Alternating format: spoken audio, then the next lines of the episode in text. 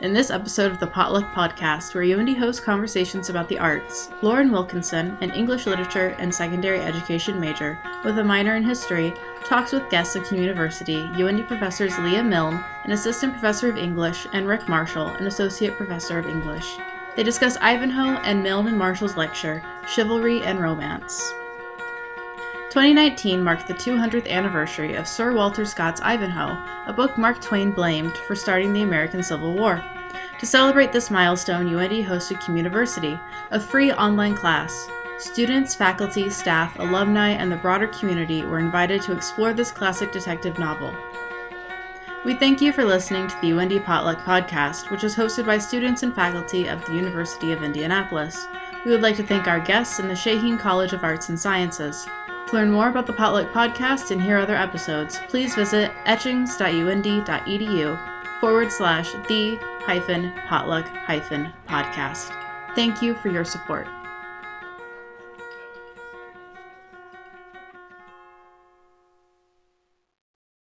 Hello, my name is Lauren Wilkinson, and welcome to the Communiversity uh, podcast series. I am an English literature major here at the University of Indianapolis, and I'm joined today by Dr. Richard Marshall and Dr. Leah Milne. They both have given a presentation on Communiversity lecture sh- series recently. Uh, thank you so much for being here today, Dr. Milne and Dr. Marshall. I want to start off by asking Do you think that Sir Walter Scott had an impact on the U.S. as a culture after the War of 1812?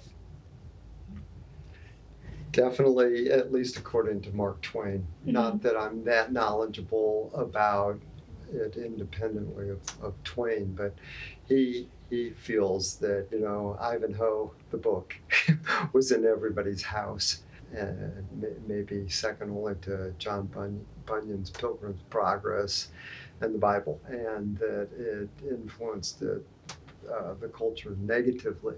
Mhm. Yeah, I think um, Charles Chesnutt, who I presented on, would very much agree. Um, he he seemed to think that Ivanhoe and the obsession with the medieval tournament kind of took over the consciousness of a lot of Southern white men, and that it led to a lot of them assuming that they could play at this idea of honor and chivalry and they could use it to justify all kinds of terrible things. and so, even in uh, Charles Chesnutt's book, The House Behind the Cedars, he makes a joke about how prevalent the book was and how much it kind of sparked this uh, ridiculous behavior, as he might put it, kind of play acting at chivalry and knighthood. Mhm. And what I spoke about was uh, Connecticut Yankee and King Arthur's Court, and and Twain took on uh, Ivanhoe particularly in there, but from what uh, Leah just said, uh, using it to justify any sort of violence, because the, the book is very violent and, and it you know it, it, it glorifies you know uh, hey I knocked the guy off the horse and I, I'm I'm triumphant and uh, but you know, Twain has uh, real it's sardonic. I hate to even call it a spoof because that lightens it of of a duel in Huck Finn where this guy named Boggs just shoots down somebody in the street. You know, challenges him for some sort of insignificant slight, and just you know brutally murders him and gets away with it because it's sort of the old gun gunfight in the West slash Ivanhoe joust duel, what have you. How did you both get into American literature, and how did that lead you to Ivanhoe? So I have a few stories for that. I guess Uh-huh. the the one specific to your second part of your question, I went to grad school in North Carolina. and North Carolina very much claims Charles Chesnutt as being one of their own, even though Oh. he was born in Ohio, because he had a long history in Fayetteville. Um, he gets taught like kind of he's part of like North Carolina canon. So uh, I knew a lot about Chesnutt going into my career here because I, I was in grad school before I came here. And so actually I didn't even know about the Midwest connection until I started looking into this whole Ivanhoe thing with Charles Chesnutt because I remember um, discussion about Ivanhoe when we were reading House Behind the Cedars in grad school. But of course, like I said, he was a North Carolina boy, so Yeah, there was right. really no discussion about his Ohio roots. That's how I, when we were talking about maybe doing something related to American Lit and Ivanhoe, I'm like, well, Charles Charles Chesnutt, like he's the guy. He's the one who talks about um, Ivanhoe all the time. So that's how I got started with that. As far as American literature in general, um, I was in high school when I read Mor- Toni Morrison's Beloved. That was the first time I really thought literature was important in any way. I nothing really spoke to me before that. Everything else I'd read before that was written by a white male author typically just didn't resonate with me the way that Beloved did. I would go on to get assigned Beloved maybe four or five more times afterwards, not just in high school, but as an undergraduate and then as a graduate student. But it solidified for me the idea that I could be a part of um, the academy in any way. Mhm. Well, if if you've read much of Twain, and to go back to grad school, I, I did my dissertation on two very different authors, uh, Mark Twain and Henry James, and kind of compared them. And you know, I, the, the standard interpretation that I tried to kind of debunk was that you know, James left America because he. He, he gravitated towards European culture, and Twain was the epitome of, of, of American culture. And if you read much Twain, you see him, you know, making fun of, of European culture in, in a sense abroad. And uh, Ivanhoe takes a big hit indirectly and directly. There are characters named Rowena in, in, in some of his, his uh, works.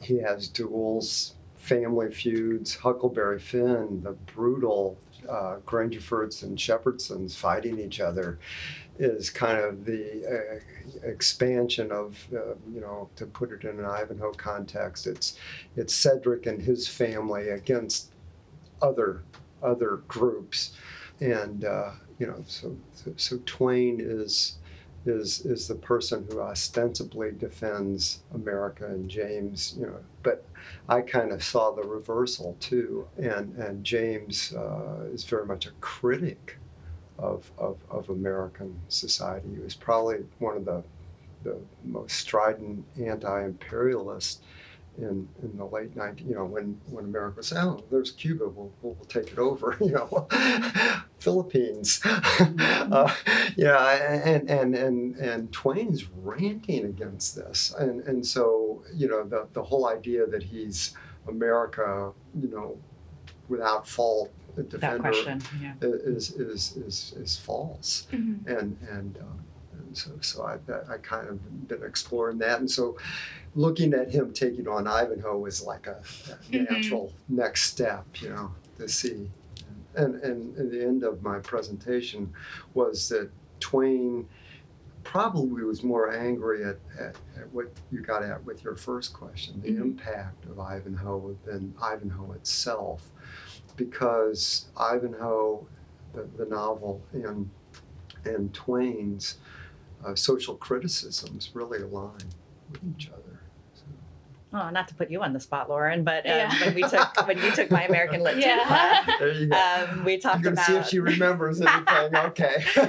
well, we talked about how Twain was. I mean, he's he's seen as like the American writer, but he's Mhm. really a regionalist in a lot of ways. Yeah. And uh, James gets taught in both British and American right, lit. right. And part of what I really like about American lit is just the ways in which we continually see authors try to define what even Americanness is. Mhm. Right, and that started right from the beginning. Yes, 'cause from I, the Yeah. beginning. I teach, in fact, right now, I think I've just developed, a, don't tell anybody, this taking the exam question, but uh, for this Thursday, you know, like, uh, you know, self-identity is one of the questions, and, and I hope, you know, people ta- tap into, am I a British subject or Mhm. am I an American? And that, that whole question, what is an American? Right.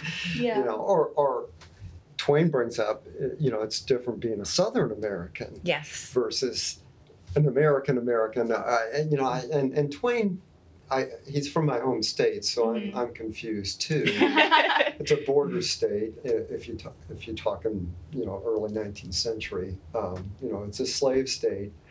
Didn't secede from the Union, and really most of it is north of where the line is. You know, the Mason-Dixon line was supposed to uh, separate slave states from free states, and mo- most of Missouri, in fact, where where Twain's from, northern Mhm. Missouri, it's above the Mason-Dixon line.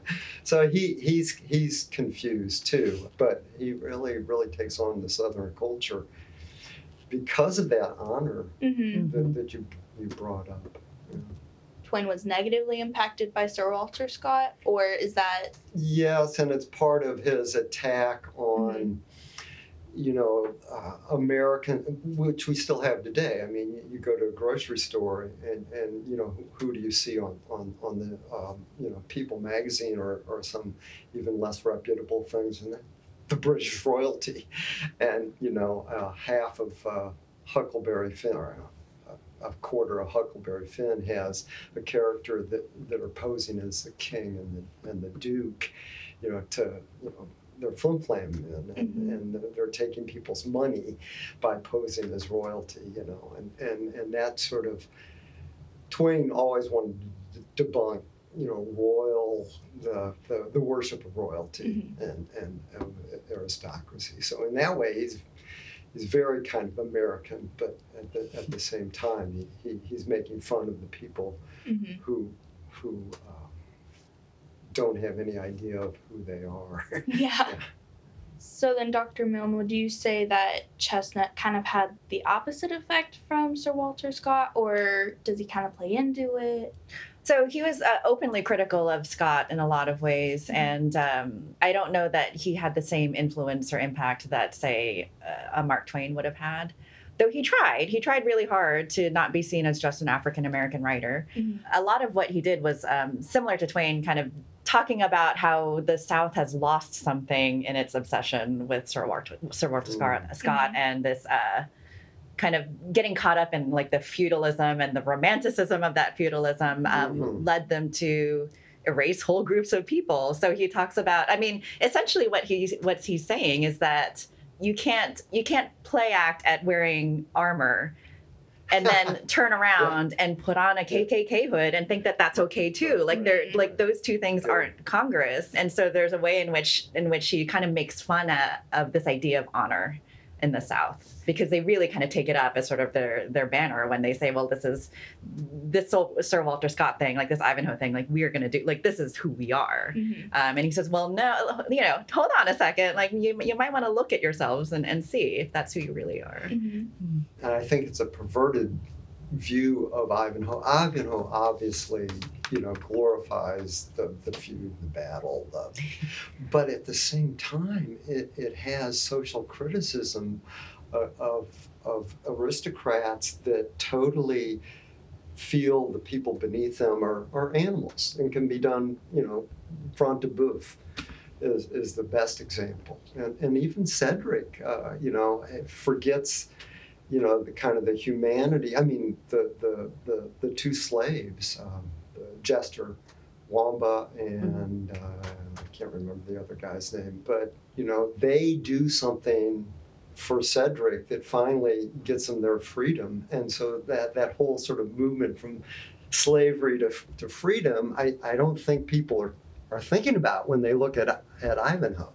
I mean, it's still sort of done in, in kind of a paternalistic way, but uh, you know, uh, but it's still uh, it's still a social criticism that I don't think I don't know about Chesnutt, but I think Twain overlooks. He's more upset about what people focus on when they, when they read Ivanhoe or when they think of Ivanhoe. They Mhm. think of the the you know the, the glorious king and what have you, you know, and Mhm. that. And they, they forget some of the social criticism that I Mhm. I was really kind of picked up on the first time I read it.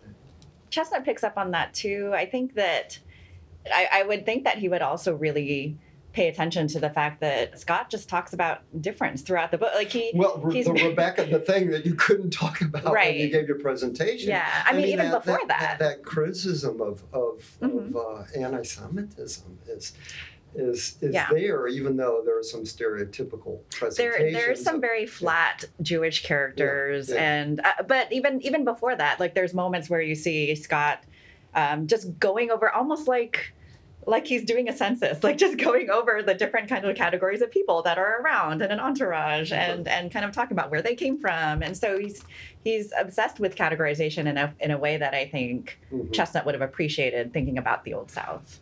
Oh, right, yeah, Mhm. because it's the same sort of mentality of a hierarchical Mhm. society. This person's here and this person's kind of under him, but has an identity you know, separate from that cate- Yes. category. Here's a person's class. They're a Saracen. They came from the, you know, like, yeah. Uh-huh. yeah. hmm for sure.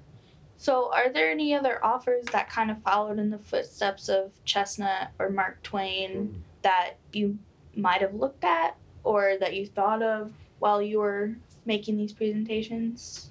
With Chesnutt, I, so we can put him in a few traditions. Mhm. Obviously, the African American literary tradition broadly, but um, if we're thinking about The House Behind the Cedars specifically, uh, his is part of, I would say, part of the earlier portion of a tradition of uh, novels about passing. So, uh, about Black people specifically passing into white society in the United States. And so, there are earlier examples of this, uh, but I think uh, probably our most famous uh, example is a later one, which is Nella Larsen's Passing, which came out during the Harlem Renaissance and Mhm. is one of the best books ever, Yeah, right. objectively speaking. Oh, yeah. But uh, And, and, and is that the one where where the one of the, the character goes to Denmark also? uh, that's her other. That's, That's Nella her- Larsen's other book, Quicksand. Quicksand. yeah, Yes. that's the one I've read. Which Yeah. kind of taps into the, the, the sort of America versus Europe Yes, Yeah. it does. hmm uh, connection that, that I was going to mention. But go ahead. Yeah, well, as far as passing uh, narratives are concerned, a lot of the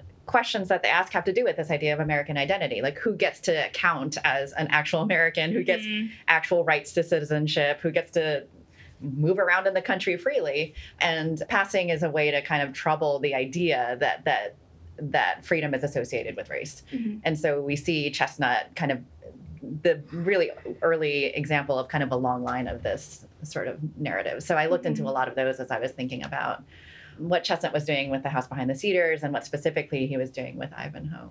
Um, you see kind of characters who, um, in Ivanhoe, are disguised as other characters or Mhm. who move around the world Mm. in different ways if they're not openly out Mhm. in terms of their identity. In reference to Twain and, and, and authors that, that came after him, I'm going to focus mostly on, on his sort of social criticism. Um, you know, it, it's, it's not just directed at the, the sort of uh, old world aristocracy, but it, he's fascinated with showing the contrast between cultures and um, uh, a, a strange sort of connection that that I just thought of after your question is um, Charlotte Perkins Gilman wrote wrote a, um, a utopia called Herland, Mhm. and um, you know, of course, it's not in America.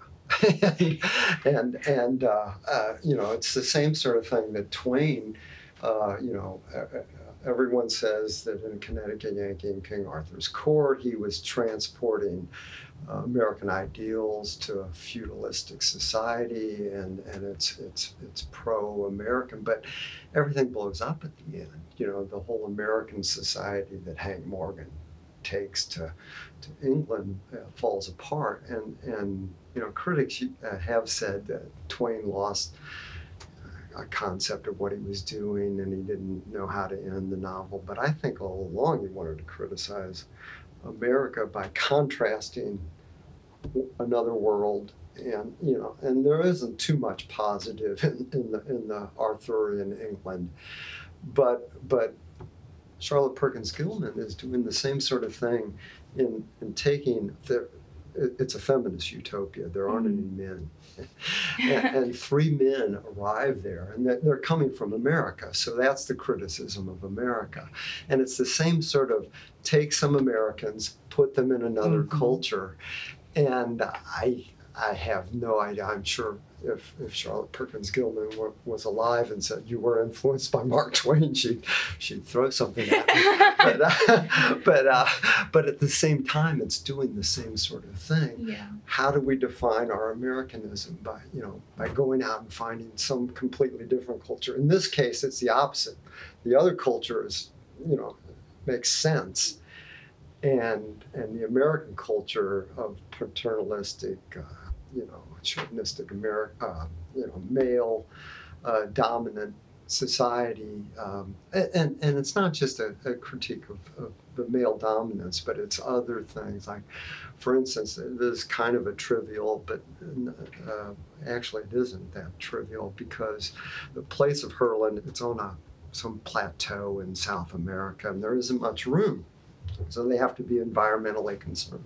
Mhm. And this is in 1916, I think. That I don't remember the date that she wrote it. And uh, and so so they talk about growing. You know, they're vegetarian because you can you can produce more protein eating vegetable protein than than animal protein. They cremate the dead because they don't have enough places to bury, you know, people. And so there, there's there's these criticisms by going to another place of American society. And I Mhm. think Twain was doing that a little bit. There, there are all sorts of other novels of the late 19th century and, and early 20th century that you know take on the mercantile focus of, of America and, and how business runs societies fall apart. You know, they go up and down Mhm. recession, um, bull market, recession, you know, constantly. And Twain's talking about that as well as Frank Norris and, and other other people. You can probably help me. I haven't taught that. I don't know if, if you get into those sort of um, social uh, critique. Not well when you're teaching a survey course, you can't do many. things, can you? yeah. All right, so just to sum everything up, what is something that you would hope for your audience or class to take away from your lectures? that that you should look past the um, the, the the sort of standard interpretation. Works of literature sometimes have two different lives. There's the text, and then the people's response to the text. And I think that's what Twain was more upset about the people's response to the text and how they transformed it into something that, in Ivanhoe's case, wasn't that that Mhm. different. But the, the, the one that I teach, and I brought it up in my presentation, is Uncle Tom's Cabin has for years had a bad rap. In fact, the main character was turned into an Uncle Tom. And, and that meant, um, you know, probably from 1865 after the Civil War till recently, you know, the late 20th century, it meant a, a, a black man um, or a black person, man or woman, who, who uh, a woman could be an Uncle Tom, who, who servilely said, yeah, yes, master, I'll do whatever you want, even though there's no masters, there's no slavery. But in, in the novel itself, he was whipped to death because he wouldn't wouldn't reveal the escape plans of, of, of a couple slaves, you know, which does not fit the definition of Uncle Tom. So I I want them to, to you know read the text and then know the public reaction and kind of make contrast. I mean that's just one thing. I mean, Yeah. Many other things too. So, House Behind the Cedars is, uh, like I mentioned, it's a passing novel. Um, this woman who's named Rena, who then, uh, she's an African American woman. She passes as a white woman named Rowena.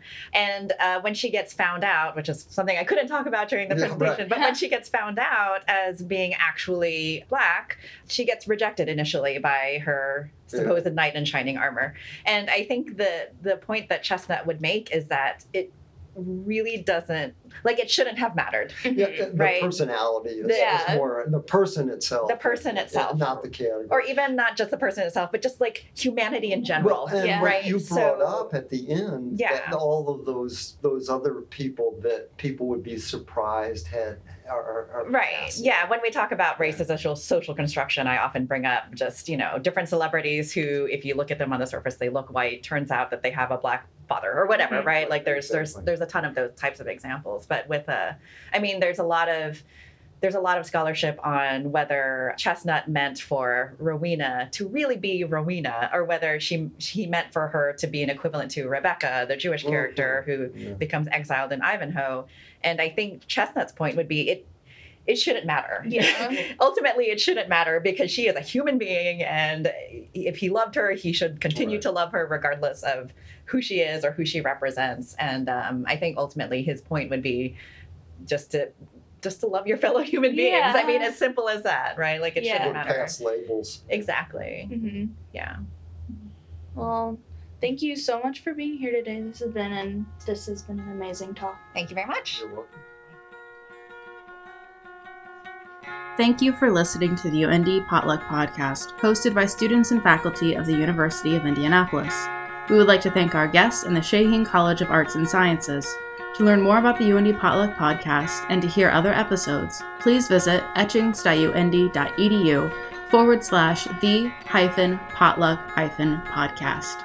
Thank you for your support.